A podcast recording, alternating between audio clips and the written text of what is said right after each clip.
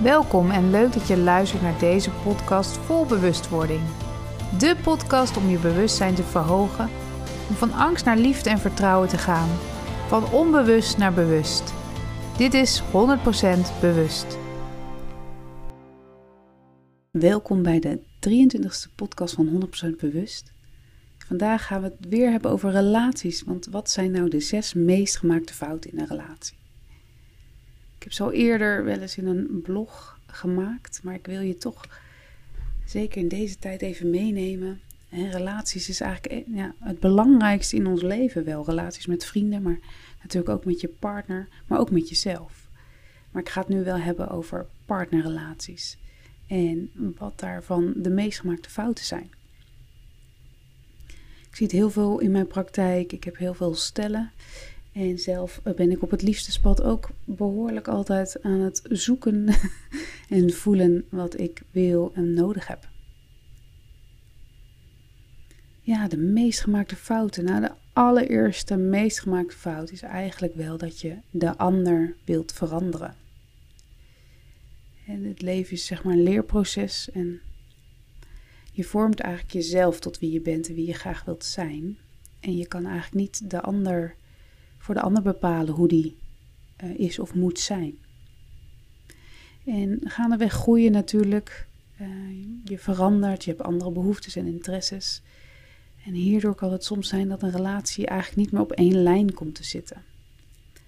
En er kan dan disbalans ontstaan omdat je eigenlijk ja, een ander pad op bent gegaan. Je bent gegroeid. Maar de neiging hebben we dan is dat je ook wil dat je partner met je meegaat. Je hebt meer een drang om dan de ander te willen veranderen, omdat je eigenlijk graag wilt dat hij natuurlijk, hij of zij, met jouw innerlijk proces meegaat. Want dat is eigenlijk makkelijker.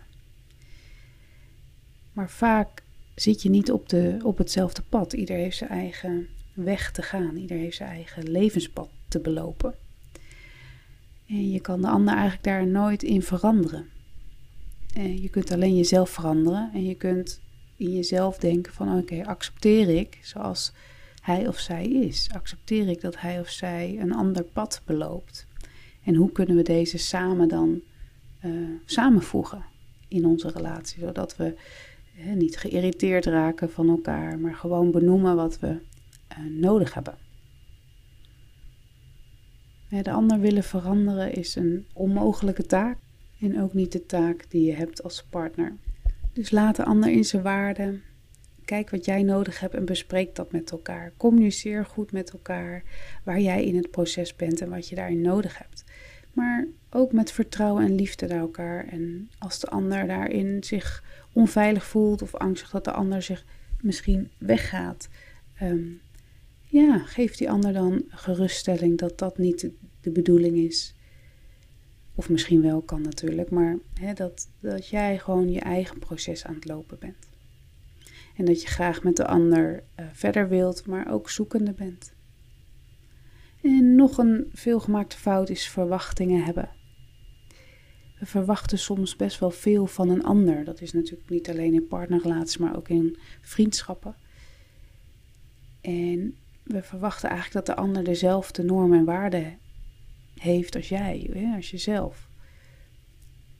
Maar dit is gewoon niet altijd het geval. En iedereen is gewoon anders opgevoed, uh, iedereen is anders gevormd door het leven. En in een relatie krijg je ook bepaalde patronen. Je gaat met de jaren dat je bij elkaar bent, uh, ga je toch een soort patroon vormen met elkaar. En dat ga je ook steeds normaler vinden, dat patroon.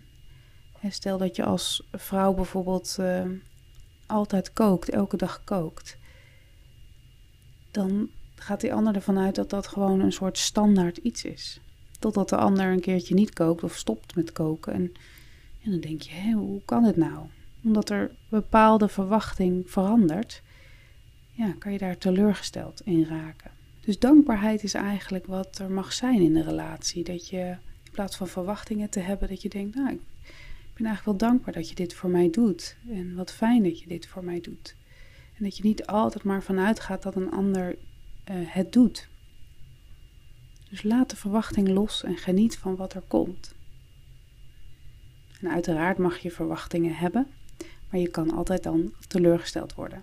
Het is wel belangrijk om je behoeftes altijd even aan te geven. Dat je graag iets van de ander wil of dat je graag iets van de ander nodig hebt.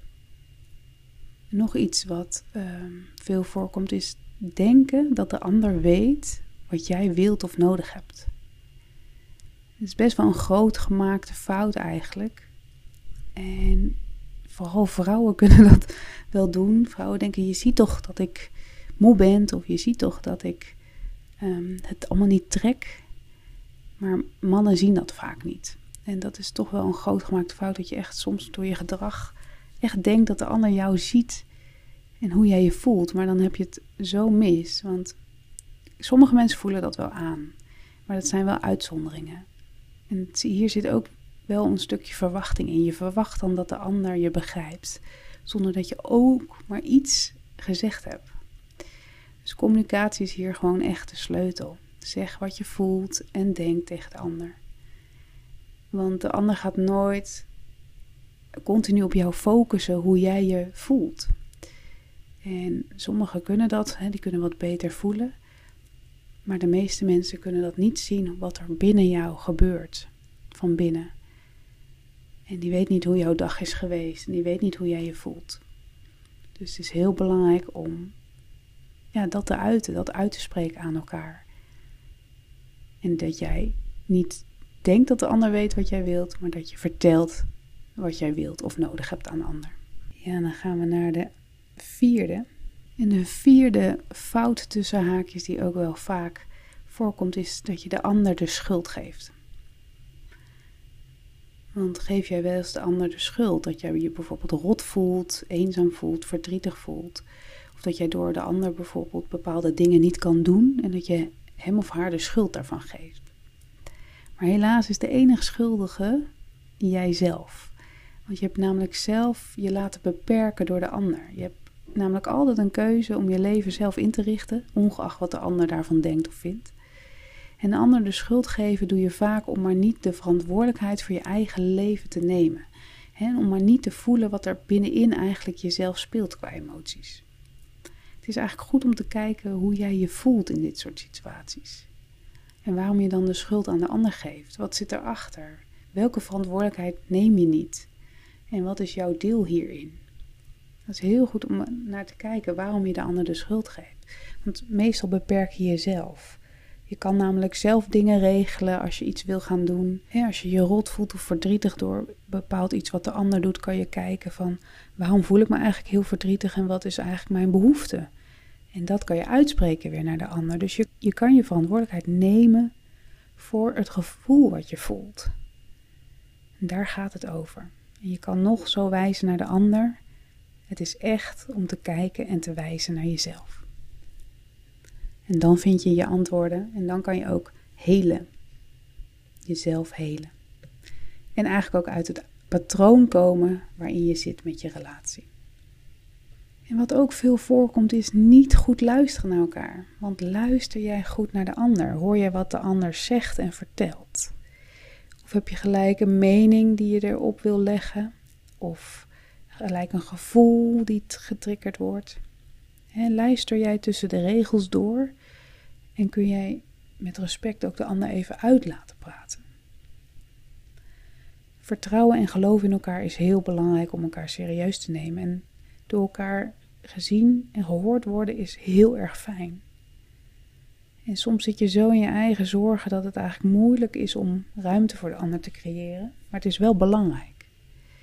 En soms wil je eigenlijk ook niet horen wat de ander te vertellen heeft, omdat het natuurlijk iets in jou raakt. Dus dat is soms lastig van, oh ja, met wat je nu zegt, dat doet me eigenlijk heel erg veel pijn. En heel af en toe komt dat ego naar voren die het wel denkt dat, dat hij het beter weet. Dus probeer eens te luisteren naar de ander zonder iets te zeggen. Dat je achterover leunt, de ander aan het woord laat en hem, e hem of haar even laat uitspreken. En dat je niet gelijk je mening daarover verkondigt, maar het even laat bezinken. En misschien niet eens, even, niet eens reageert eventjes. En kijk dan wat dat met je doet. En dat de ander ook jou laat, laat uitpraten.